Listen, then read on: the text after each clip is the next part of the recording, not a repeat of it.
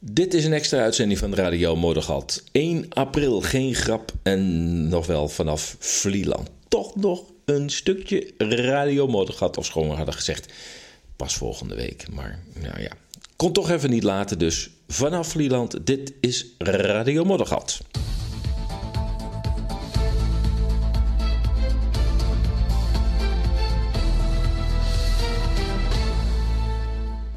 Een hele goede middag, goedemorgen, goedenavond of ja, s'nachts. Ik weet niet wanneer je luistert. In ieder geval in het weekend. Er zou geen Radio Moddergat zijn. Uh, die, ja, die is er ook niet. Of misschien ook wel een klein beetje. Uh, maar in verband met vakantie uh, ben ik momenteel op Vlieland. Want ze zeggen toch op Vlieland als het goed is. Ehm, de zon schijnt heerlijk. Af en toe een buitje. maar ja, dat maakt eigenlijk helemaal niet, niet zo uit. Ik ga toch een paar actuele onderwerpen met je bespreken. Ook al zit ik op Vlieland. Het geluid zal misschien ook waarschijnlijk wat anders zijn. Je hoort ook hier en daar een beetje de wind. Maar ja, zo hoort het aan aan zee. Dus uh, wat mij betreft gaan we een aantal dingen uh, bespreken. Heel belangrijk, als, uh, als eerste punt viel mij op dat de Duitse media inmiddels zover zijn om ehm, ja, toch iets wat reflectie te bieden op de afgelopen periode van, de, van corona, van de afgelopen drie jaar. Het heeft heel lang geduurd voordat, ik ga even naar binnen, want het waait iets te veel buiten. Ja, het heeft heel lang geduurd voordat uh, de Duitse media, uh, de Nederlandse media zijn volgens mij nog helemaal niet zo ver, begonnen aan ja, iets wat van een, ja, een soort reflectie zou kunnen noemen. Ehm, en ja, dat is gelukkig begonnen ook met een tamelijk belangrijk krant, of eigenlijk online um, medium. Dat is de commerciële zender Zat3. En die biedt een tamelijk kritische terugblik op de coronaperiode. Na de bekentenissen van gezondheidsminister Lauterbach dat de inentingen, ten onrechte ook wel vaccins genoemd, veel mensen blijvende gezondheidsschade hebben berokkend, lijken de grote, grote mediakanalen zich wat vrijer te voelen ook kritisch te gaan terugblikken. Zoals in Nederland in 2014 gebeurde na de Mexicaanse griep van 2009. Precies drie jaar na de start van het virus en de basale angstcampagne toen ook al, begeleid door veel leugens, lijken de mediale ogen open te gaan van wat de afgelopen jaren in onze democratieën kon gebeuren. En ook nu hoor je, met de kennis van nu, en dit nooit weer. We hebben in ieder geval weinig geleerd van de Mexicaanse griep. Want wat we met COVID hebben meegemaakt, dat hadden we eigenlijk, hebben we eigenlijk ook al meegemaakt in 2009 met de Mexicaanse griep, alleen op kleinere schaal. Het lijkt een soort herbeleven van de jaren na de Mexicaanse griep uit 2009. Een virus dat wereldwijd, uh, dat, dat de wereld in zijn greep hield, werd toen ook gezegd. Inenting toen nog niet met het mRNA, dus eigenlijk was er toen al echt sprake van vaccinatie, was ook toen de enige oplossing. Angst dreef mensen naar de prikcentra. De periode van angst duurde echter maar kort, enkele maanden. Het virus verdween namelijk heel snel. Nog voordat een groot deel van de bevolking was gevaccineerd. Van een PCR-test die het virus oneigenlijk kon verlengen, wat nu dus gebeurt, was nog geen sprake. Het grootste deel van de meer dan 130 miljoen kostende vaccins verdwenen in de verbrandingsoven. En ook toen speelde televisie-viroloog Ab Osterhaus een hoofdrol bij het opdringen van de vaccins. Een zaak waar ook opbrengsten voor Oosterhaus uh, aan verbonden waren. De Duitse media beginnen nu echt wel met een, ja, een voorzichtige start om de afgelopen periode kritisch te beoordelen. Drie jaar geleden maakte de coronalockdown de uitzonderingstoestand tot het nieuwe normaal, zegt Sat3, een, eh, een satellietzender, commerciële satellietzender in Duitsland. De politie verdreef mensen van bankjes in het park. Kinderen mochten niet naar school. De maatregelen en de inentingen waren zonder alternatief. Oftewel, zoals Merkel dat altijd zei, het is alternatiefloos. Wie niet meedeed, werd hard aangepakt. De taal verhardde zich. Journalisten van kwaliteitskranten als Die Zeit riepen op om de samenleving in te delen in ingeënt en niet ingeënt. Letterlijk schreef journalist Christian Voren te hopen dat de inentingsweigeraars zich niet meer in de maatschappij konden bewegen, omdat zij een gevaar voor een ander zouden zijn. Veel journalisten en politici maakten dergelijke verbale uitglijers. Het waren zware jaren voor de democratie en de grondrechten werden dus ingeperkt. Volgens de reportage van Zatrai, eh, waar de eh, journalist Marcus Klukner wordt geïnterviewd, hebben journalisten de samenleving uit elkaar gedreven. Volgens Knukner kan pas van verzoening sprake zijn als nu open kaart wordt gespeeld op alles, over alles wat er de afgelopen jaren is gebeurd. Citaat: Wat sommigen hier hebben gedaan met dat geweld, dat mag zich in een democratie niet meer herhalen. Einde citaat. Uiteraard komt uh, Karl Lauterbach ook aan bod, de grootste angstzaaier was toch wel deze professor Dr. Karl Lauterbach, minister van Gezondheid. In een gloedvol betoog in de Bondsdag stelde hij dat de ingeënte personen niet gegijzeld mochten worden door diegenen die zich niet hebben laten inenten. Ondanks bekende hij nog dat de vaccins, tussen aanhalingstekens, aanzienlijke gezondheidsschade bij veel Duitsers heeft veroorzaakt.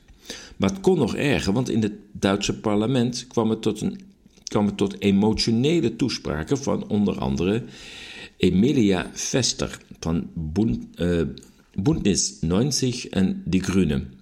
Zeg maar uh, de Groenen van Nederland. Samen met de PvdA, dat is daar ook zo'n combinatie. Citaat. Als de meeste mensen, het wordt lassen zeer geëmotioneerd, lassen dat voor. Als de meeste mensen van ons de eenvoudige stap hadden gedaan en zich hadden laten inenten, dan zou ik nu weer vrij zijn, schreeuwde ze in het parlement. Het was duidelijk dat ook uh, de angstcampagne ook op haar, deze uh, Emilia Vester, duidelijk grip had gekregen. Een wetenschapsjournalist in uh, Duitsland, Ranga Yogeshwar, die zegt: Ja, we hadden journalisten natuurlijk ook wel kritischer moeten zijn. Ehm, eigenlijk een beetje de, de Duitse uh, tegenhanger van Maarten Keulemans van de Volkskrant. Goed, die uh, die liet zich op grote billboards plaatsen waar hij de inentingen aanbeval. Nu heeft hij daar spijt van. Hij vindt nu dat de regering te spaarzaam is geweest over de achtergronden van het virus. Citaat.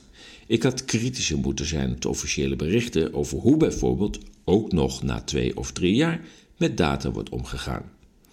Hij wilde weten uh, wie door en wie met corona is overleden. Een onderwerp die de coronacritici, oftewel wappies, al in 2020 aan de orde stelden.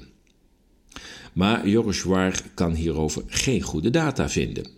Ook over de effectiviteit van de maatregelen kan hij maar weinig informatie vinden. Het niet mogen zitten op een parkbankje heeft hem verbaasd en hij twijfelt of dat van een effectieve maatregel was. Mag toch hopen dat hij langzamerhand wel over die twijfel heen is.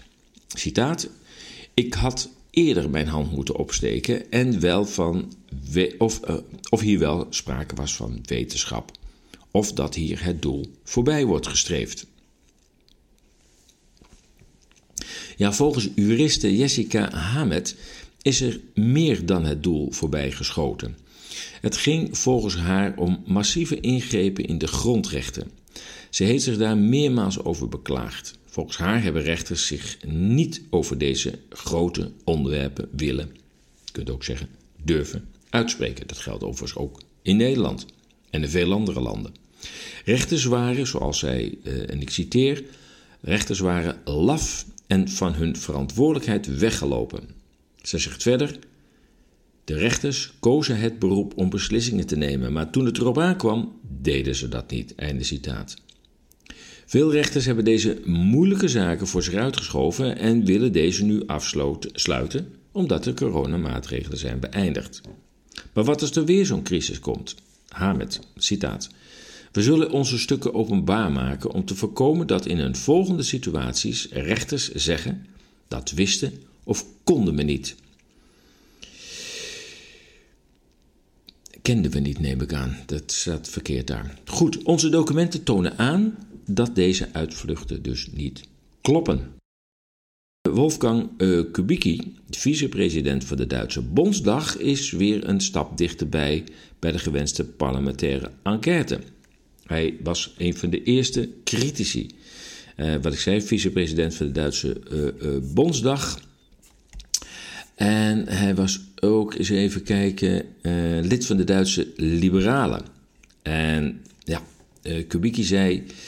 In coronatijd is het duidelijk geworden dat het allemaal niet klopt. We zijn nog altijd een volk, over de Duitsers, dat als zich een ernstige situatie voordoet, bereid is totalitaire maatregelen te accepteren. Maar hoe dan ook, hij is weer een stap dichterbij bij de gewenste parlementaire enquête, want dat wil hij heel erg graag. Hij wil een zeer grondig onderzoek naar wat de afgelopen drie jaar in Duitsland allemaal is misgegaan. En inmiddels steunt ook het CDU een dergelijk onderzoek. Nou ja, we zijn in Nederland volgens mij nog niet zo ver, nog niet zo open en niet zo transparant zoals wij altijd denken te zijn, maar volgens mij moet hier nog het een en het ander gebeuren.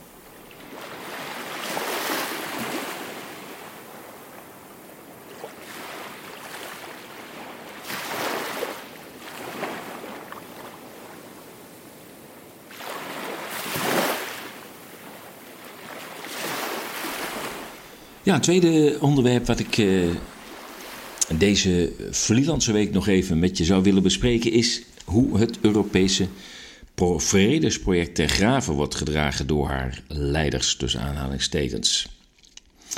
Opinie. Het Europese vredesproject is vaker in zwaar weer geweest, meestal door onverwachte omstandigheden of onverenigbare belangen van de leden. Ditmaal is het anders. Met de VS als cheerleader lijkt Europa, lees de EU, door incompetentie, visieloosheid en corruptie bij de, het Brusselse leiderschap aan haar nadagen te zijn begonnen. De grote sprong voorwaarts naar Chinees model, ook wel de Great Reset genoemd, in de vorm van een door jarenlang intimidatie uitgelokte oorlog en DDR-achtige surveillance met klimaat en onze veiligheid als argumenten, lijkt de teleurgang van de Unie te versnellen. De opgelegde woke met de bijbehorende cancelling van andersdenkelden, de censuur, het blokkeren van onwelgevallige buitenlandse media, het sluiten van bankrekeningen, het opheffen van kritische YouTube-kanalen of LinkedIn-accounts, het nu gesloten censuurkantoor van Twitter in Brussel, de digitale en biometrische surveillance, uitsluiting van gezonde burgers die een experimentele prik weigeren, social nudging, door investeerders uit gekochte, gekochte massamedia illegaal maken van vreemde demonstra vreedzame demonstraties, het verbieden van het vrije woord, gekochte wetenschap en media, de emotionele oorlogsvoering tegen de eigen bevolking, de chantage door de overheid, we weten waar ze wonen, de jongen zei dat over ongevaccineerden, en, om voorlopig maar even te stoppen, de door de EU gefinancierde mediaprojecten voor een tussen aanhalingstekens betere informatievoorziening en eh, bestrijding van complottheorieën. In haar boek Endspiel Europa, waarop dit artikel, dit artikel is gebaseerd, zegt de zeggen de Duitse uh, auteurs Ulrike Geriot en Hauke Ritz dat het Europese project ten onder gaat aan verloochening van haar eigen waarde. Die waarden vonden haar oorsprong in de euforie van de val van de Berlijnse muur in 1989 en de dient ten gevolge hereniging van de beide Duitsland in 1990. Kort daarna zou de Sovjet-Unie in elkaar storten. Dit moest het moment worden waarop Europa haar oorlogsverleden en haar vijandigheid met de grote broer Rusland, dat cultureel in veel opzichten Europees georiënteerd is, achter zich zou laten. Er moest een vreedzaam, Europa ontstaan van de Noordkaap tot de Algarve, van Londen tot Vladivostok. Het zou anders lopen. Aan de andere kant van de oceaan was het verval van de Sovjet-Unie reden tot feest.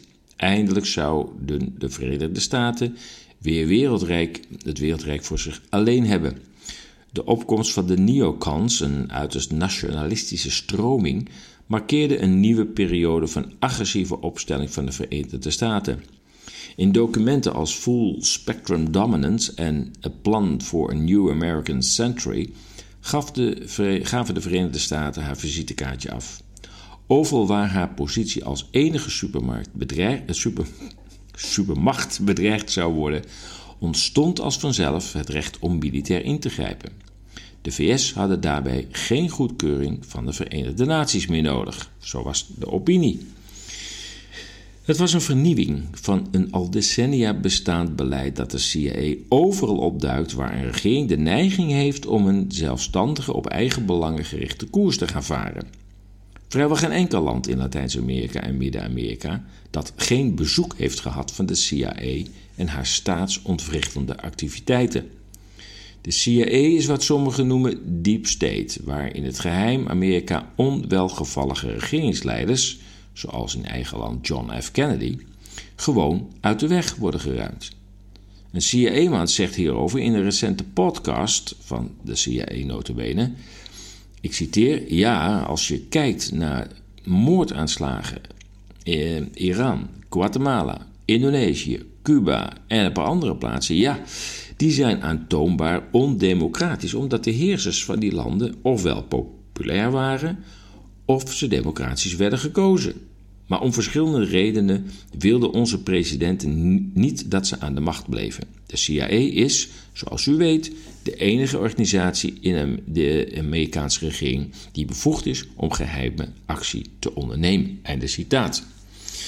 Kom daar later in een uh, uitzending nog een keer op terug. Want uh, de CIA heeft dus een eigen podcastserie. En uh, ja, er staan toch wel een aantal opmerkelijke citaten in.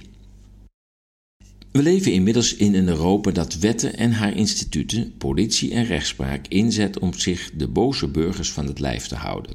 Daarbij schuwt zij ook niet om burgers tegen elkaar op te zetten, zodat er mensen zijn die anderen dood willen hebben, omdat hij een prik weigert een mondkapje afwijst, vragen stelt over zaken als 9-11, Zwarte Piet wil behouden, twijfelt over de grootschalige toestroom van immigranten, de voorrang bij woningtoewijzing aankaart of tijdens corona net te veel bezoek kreeg.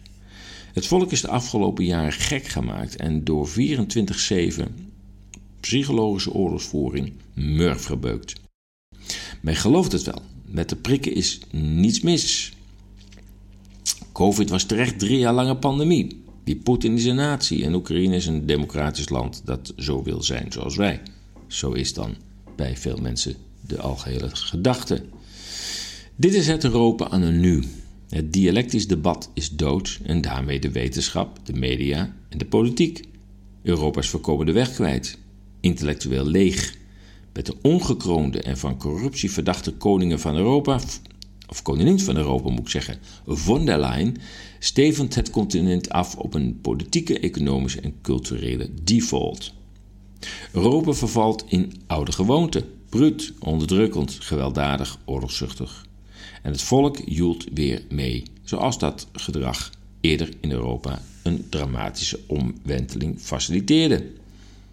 Dit Europa houdt geen stand. De euro heeft al een onoplosbaar probleem maar de organisatie die haar politiek moet dragen is in ontbinding. In die staat kunnen we nog gekke ontwikkelingen verwachten, want een systeem als Europa of de Verenigde Staten in nood kan rare sprongen maken. De meeste oorlogen vinden hun oorsprong in systemen in doodstrijd.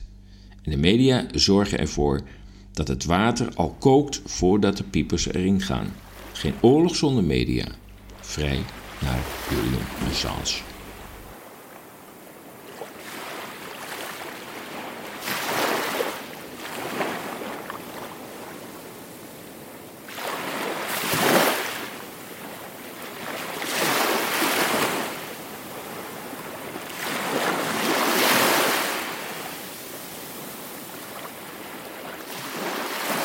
Ja, wat ik uh, er straks al zei, dat de Duitse media, althans zat draai, maar er zijn er wel meer media die langzamerhand toch een beetje met die afarbeitung van de drie jaren COVID uh, begonnen zijn, om daar toch eens kritisch naar te kijken.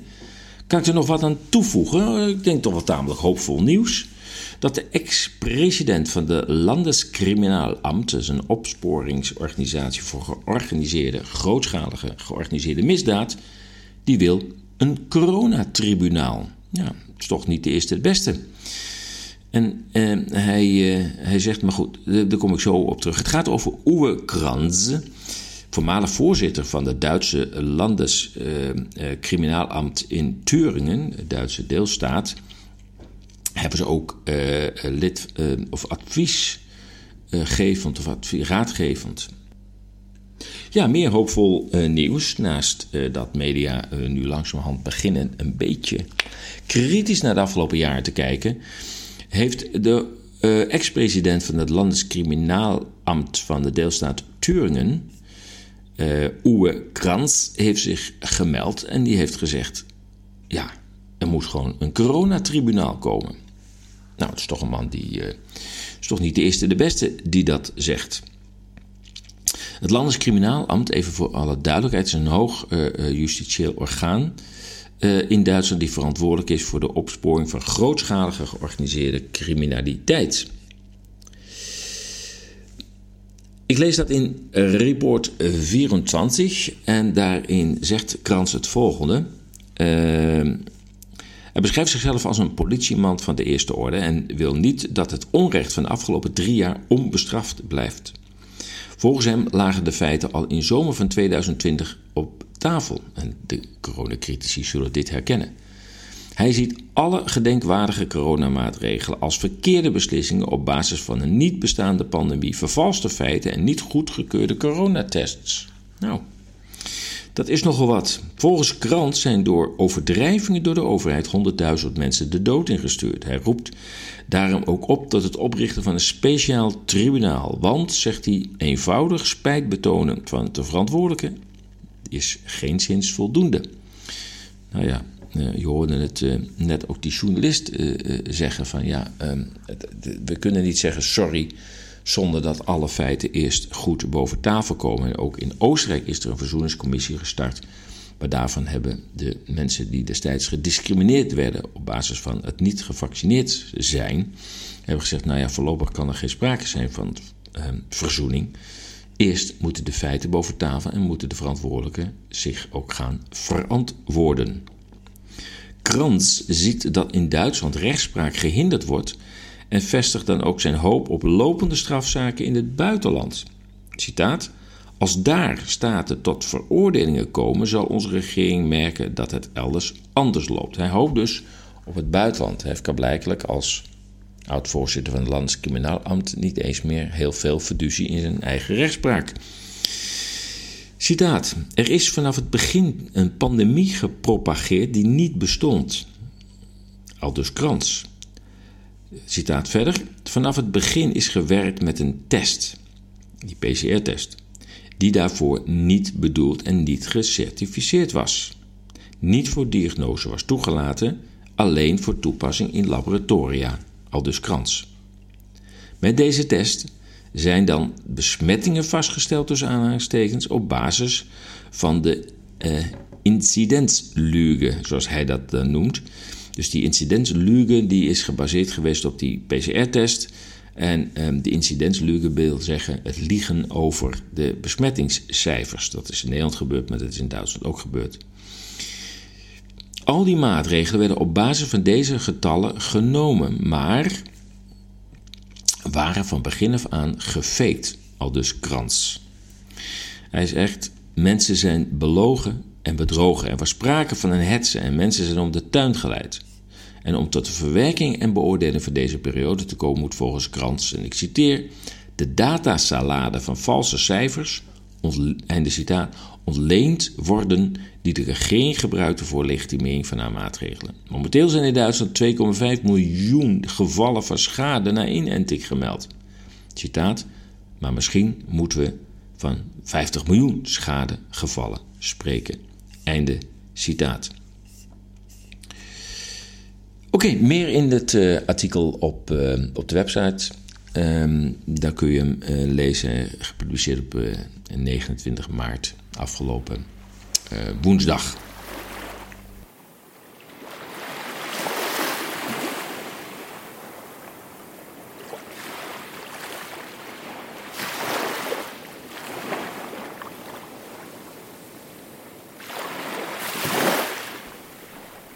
Ja, afgelopen week was ook de week waarin uh, Wim de Bie van, uh, van Koten en de Bie um, overleed. En ja, je zou kunnen zeggen, daarmee um, sluiten we toch wel een bepaalde periode af. Ofschoon ze de laatste jaren al niet meer actief waren en hun keek op de week en, en, nou ja, welke uh, programma's ze ook al niet hebben gemaakt, al lang van het VPRO-scherm waren verdwenen. Um, ja, ik kijk met enige weemoed terug naar de uitzendingen van, van Koten en de Bie. Die hadden, ja, op, ze, waren vaak tijdloos in hun programma's, in hun thema's. Um, en schuwden daarbij niet uh, om, om ook, nou ja, hot issues um, te bespreken. Een daarvan uh, ging bijvoorbeeld over uh, immigratie. Nou, op dit moment hoef je het woord maar uit te spreken. En uh, jij krijgt tegenover je al een, een, een gezicht van ga niet verder. Hè? We gaan niet verder. Waag het niet om, om hier slechte dingen over te zeggen of kritische kanttekeningen bij uh, te plaatsen. En dat is wat Van Koten en de Bie nu juist wel konden. En ja, dat leidde niet of nauwelijks tot enig ophef. We praten over, over het begin van de tachtige jaren. En dat is toch wel tekenend van, van ja, het is alweer 40 jaar geleden, ik uh, realiseer me dat. Maar dat er toch veel verloren is gegaan in dat, in dat, ja, zoals dat dan heet, vrije, liberale, tolerante, ruimdenkende Nederland. Ik heb het idee dat er uh, bitter weinig meer uh, van over is. Het is, het, is, ja, het is een verkrampt land geworden. Uh, um, waarbij um, ja, de meest grote onzin door de media wordt verspreid. Waarbij dus ook geen kanttekeningen mag plaatsen. Ik zag uh, van de week op Twitter bijvoorbeeld dat Jan Pieterszoon Koen. Uh, ja, ja, ja, ja, die uit, uit de Gouden Eeuw, wat we ook niet meer mogen zeggen, Gouden Eeuw overigens. Ehm, dat hij verantwoordelijk zou zijn voor klimaatverandering. Dat, dat er een relatie is tussen Jan Pieterszoon Koen en klimaatverandering. Ja, je bedenkt het niet, maar het staat er wel. In het parool notabene. Ja, en dan kwam ik nog wat tegen. Namelijk dat uh, Jandino Asporaat, die zou uh, les gaan geven. Uh, gastcollege in Arnhem, waarschijnlijk bij de Hogeschool Arnhem-Nijmegen. en de gemeente Arnhem, althans zo staat het er, zou dat hebben verboden. Ik, ik vraag me overigens af wat de relatie is tussen de Hogeschool van Arnhem en Nijmegen en de gemeente Arnhem. Maar goed, dat, uh, dat, dat kan ik uit het artikel niet halen hoe dat nou precies uh, zit. Maar het komt erop neer dat Jan Dino die, heeft de euvele moed om vraagtekens te stellen bij 9-11, maar ook bij de maanlanding. Nou, twee American events waar je gewoon geen vragen bij mag stellen. En doen dit wel, dan krijg je een spreekverbod. We kennen het van David Icke, die die twee jaar lang niet in 26 Europese landen mag komen, omdat hij 20 minuten wil te spreken op de Dam. Het geeft aan in welke ongelooflijk, ja, zoals ik schreef op, uh, op Twitter, intellectuele, arme, bekrompen en bange wereld wij op dit moment leven. En dat is zo een schil contrast met um, ja, de jaren 80 en 90 uh, ik heb het er ook met andere mensen over. Die zeggen ook, ja, dat waren, dat waren toch wel de beste jaren van na de Tweede Wereldoorlog. Hè. Je had natuurlijk de opbouwperiode. Nou, dat was het natuurlijk voor die generatie. Ik heb het nauwelijks uh, meegemaakt. Was dat natuurlijk nog afzien. Want ja, je kwam uit een oorlogstijd en heel veel moest worden verwerkt. En moest weer worden opgebouwd, hè, de wederopbouw. Maar zeg maar vanaf de tweede helft 60 jaren uh, ja, kwamen de, uh, kwam de sociale wetgeving uh, op. Uh, ontdekten we gas, we kregen geld. En ehm, ja, het ging eigenlijk alleen nog maar omhoog. Natuurlijk, er is een energiecrisis geweest in, dacht, in 73 en 78, als ik het wel heb. En er zijn best wel wat crises tussendoor geweest. Maar als het gaat om de mentale staat van het land, dan kun je toch wel stellen dat, nou ja, vanaf midden 60 jaar, toen de protesten opkwamen, waaronder ook protestpartij Democraten 66, ja, je ziet hoe ver ze nu heen zijn, hoe ver die partij van zijn pad af is geraakt en een, een agressieve, dogmatische partij is, is, is geworden. Maar goed, 80 en 90 jaren waren wat dat betreft mentaal vrije en ik vind ook mentaal rijke, intellectueel rijke jaren. Veel kon bediscussieerd worden zonder dat er allerlei groeperingen waren die die slachtofferrollen opeisten en daardoor weer het zwijgen oplegden aan anderen. En dat is nu wel wat er massaal aan het gebeuren is. En de overheid helpt dan handje. Of het dan gaat over de Haagse overheid of de Brusselse overheid. Ze proberen aan alle kanten uh, onwelgevallige meningen uh, te censureren. En dat is, ja, dat is natuurlijk DDR 2.0. um, ja, dat is, dat is gewoon ik vind het toch wel een beetje schrik als ik terugkijk en ik zie nu in welke mentale staat ons land nu verkeert. Dan denk ik, we zijn heel veel kwijtgeraakt in uh, al die tijd. Goed, het, uh, het laatste onderwerp dat ik zou willen uh, bespreken is um, een artikel die, die gisteren online is gekomen over de Amerikaanse CIA. Want ja, je kunt het je haast niet voorstellen, maar de CIA heeft sinds kort ook een eigen podcast. Ja, ja, dus het, uh, het Amerikaanse bedrijf stiekem uh, gaat nu ook openbaar. Nou ja, openbaar. Alles is natuurlijk heel uh, betrekkelijk. Maar ze geeft in ieder geval een deel van haar geheime prijs. Nou ja, de CIA is een van de talrijke elkaar beconcurrerende Amerikaanse geheime diensten. Van alle diensten is de CIA de machtigste. Geen president kan haar belangen negeren. Zij mag, kan en doet dingen die voor andere diensten verboden zijn. Officieel dient de Central Intelligence Agency de president. Maar soms kan de CIA ook besluiten dat een president in de weg staat. Dan kan en doet zij zaken die geen andere dienst doet. Ja, het mag vreemd klinken, maar de Amerikaanse geheime dienst CIA geeft tegenwoordig openheid van zaken via een eigen podcastserie. Openheid moet dan wel met enige voorzichtigheid worden gelezen, want het blijft een geheime dienst. Maar de dienst is blijkbaar vol zelfvertrouwen dat zij toegeeft overal ter wereld in te grijpen als de Amerikaanse president dat vraagt.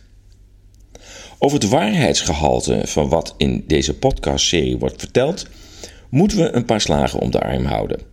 Naast mogelijke enkele onthullingen tussen aanhalingstekens is propaganda natuurlijk nooit ver weg. In een aflevering van Intelligence Matters, zo heet die podcastserie, spreekt gastheer Michael Morrell met David Robarch, hoofdhistoricus van de CIA over de verrichtingen van de dienst tijdens enkele van de belangrijkste wereldwijde gebeurtenissen van de afgelopen 50 jaar. Morel en Robarch uh, uh, bespreken cruciale momenten zoals de Cubaanse raketcrisis, de Vietnamoorlog, de ineenstorting van de Sovjet-Unie, de Eerste Golfoorlog en de terreuraanslagen van 11 september 2001. Robarch legt uit waarom de CIA soms moeite had om adequate tactische waarschuwingen voor belangrijke ontwikkelingen te geven. Oftewel, ze zat er met haar inlichtingen gewoon naast, in gewoon Nederlands. Ja, de CIA heeft, uh, stelt zichzelf tot taak, dat staat op de website van de CIA. Het beschermen van ons land is de kern van onze missie. Verleden, heden en toekomst. Vanaf onze wortels in de Tweede Wereldoorlog tot vandaag zetten wij de tradities van vindingrijkheid, moed en stille opoffering voort die ons tot werelds belangrijkste buitenlandse inlichtingendienst hebben gemaakt. Daarbij beschouwt de CIA zich als eerste verdedigingslinie van de Verenigde Staten. De CIA wordt in een reeks Amerikaanse inlichtingen en veiligheidsdiensten tot de machtigste gerekend. De dienst werkt in opdracht van de Amerikaanse president, maar soms wordt de dienst ook in verband gebracht met het uit de weg ruimen van presidenten in het belang van achterliggende krachten. Toen president John F. Kennedy de vernietigende oorlog van de Verenigde Staten in Vietnam wilde beëindigen en hiervoor op 11 oktober 1963 de National Security Action Memorandum 263 ondertekende, werd hij anderhalve maand later in Dallas vermoord. Toch blijven er verschillende lezingen over deze historische moord op deze democratisch gekozen president. Voor wie zich afvraagt waarom de oorlog in de Oekraïne door blijft gaan en wat de rol van president Biden uh, is, die heeft denk ik hier al iets van een antwoord. Uiteindelijk gaat daar de president niet over. Blijkelijk zitten er andere krachten achter die bepalen of een oorlog wordt gestart, voortgezet of beëindigd. Daar zitten grote belangen achter. Daar kun je heel erg over speculeren. Het zijn vooral natuurlijk financiële uh, belangen van grote banken en de achterliggende uh, families. nou ja, dat de CIA ehm, ehm, ook de media naar hun hand zet, is wel duidelijk. We hebben ehm, op ezas.nl ook een artikel staan waarbij een CIA-agent uitlegt hoe hij westerse journalisten uh, voor zijn boodschap won. En een daarvan was uh, Udo Ulfkorte van de Duitse krant Frankfurter Allgemeine. die heeft een video online gezet in 2015 waarin hij zei hoe dat, vertelde hoe dat precies in zijn werk ging. Hoe hij werd gelokt naar dineetjes en feestjes en stap voor stap langzamerhand in het CIA-net werd getrokken. Niet lang daarna uh, overleed hij. Hoe dat is gegaan weten we niet, maar ik denk dat die openbaring uh, hem het leven heeft gekost. Hij voorspelde overigens in dezelfde video in 2015 dat de Verenigde Staten een oorlog voorbereiden met Rusland. Nou, ik geloof dat uh, dat hebben we dus kunnen zien. Nog één aspect eh, uit dat artikel, maar je moet het verder maar, uh, maar lezen. Het is wat, wat langer. Het gaat ook over psychologische oorlogsvoering, Oekraïne en andere coups. Maar even Operation Mockingbird. De CIA speelt, speelt al lang het internationale propagandaspel dat een inlichtingendienst nodig heeft. Maar tijdens de Koude Oorlog betaalde en intimideerde de CIA journalisten om haar boodschap te helpen promoten. De beroemde Watergate-reporter Carl Bernstein bracht het verhaal in 1977 voor Rolling Stone. Nou, Rolling Stone is nu een totale woke-krant geworden, die ook de COVID-prikken uh, zat te stimuleren. En degenen die dat niet deden, uh, werden door de Rolling Stone in de hoek gezet.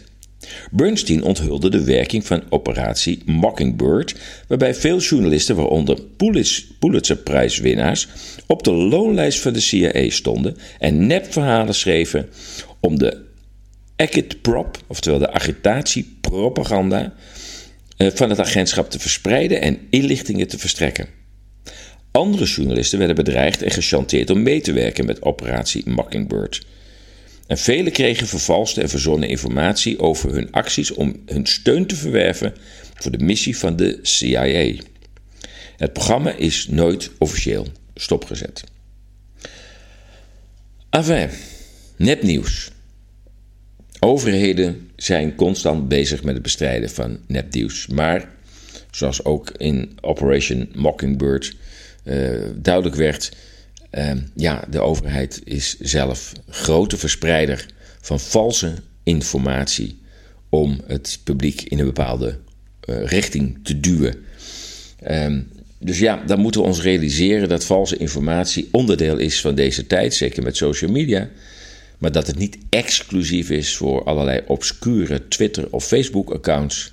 Maar dat ook overheden uit strategische overwegingen, uit ook uh, materiële belangen, gewoon erop los liggen. Nou ja, we hebben dat de afgelopen drie jaar fors kunnen zien. De openbaringen beginnen nu langzamerhand te komen. En misschien dat we weer een periode van waakzaamheid krijgen als het gaat om de boodschappen van de overheid. Zo, dit, uh, dit, dit was het dan. Uh, een, ja, toch een ingelaste aflevering. Hij zou eerst niet doorgaan. Ik denk, ja, nou ja, ik ben een weekje met vakantie. Maar ik dacht, ach, waarom ook niet? Hè? In dit geval van Vlieland. Het prachtige Vlieland. Het is natuurlijk heerlijk om hier te zijn. Het mooie van Vlieland, het, is, ja, het, het heeft maar één dorpje. Dus uh, er valt niet zo heel veel uh, te bezoeken, uh, te shoppen, musea te bezoeken. Er is wel iets Maar het is eh, minimaal en dat is nou net zo lekker dat je gewoon ook eigenlijk niets hoeft. Behalve dan lekker door de duinen struinen langs het strand. Af en toe eens even uh, een kopje koffie en een hapje eten. En zo kan het leven deze week ook zijn. Nou, in ieder geval bedankt voor het luisteren. Nogmaals een ingelaste uh, uitzending van Radio Mordegat. Volgende week is er weer een normale uh, Radio Mordegat. En uh, even kijken, daarna, nee, de week daarna, ik denk daarna weer. Uh, komt er ook een speciale Radio Moddergat uit Berlijn. Die zal ook zeker anders van, uh, van opzet zijn. overigens, wil je nog mee naar Berlijn voor een speciale rondleiding? Dat is uit mijn hoofd 21 en 22 april. Ga dan nog snel naar de website en um, meld je aan.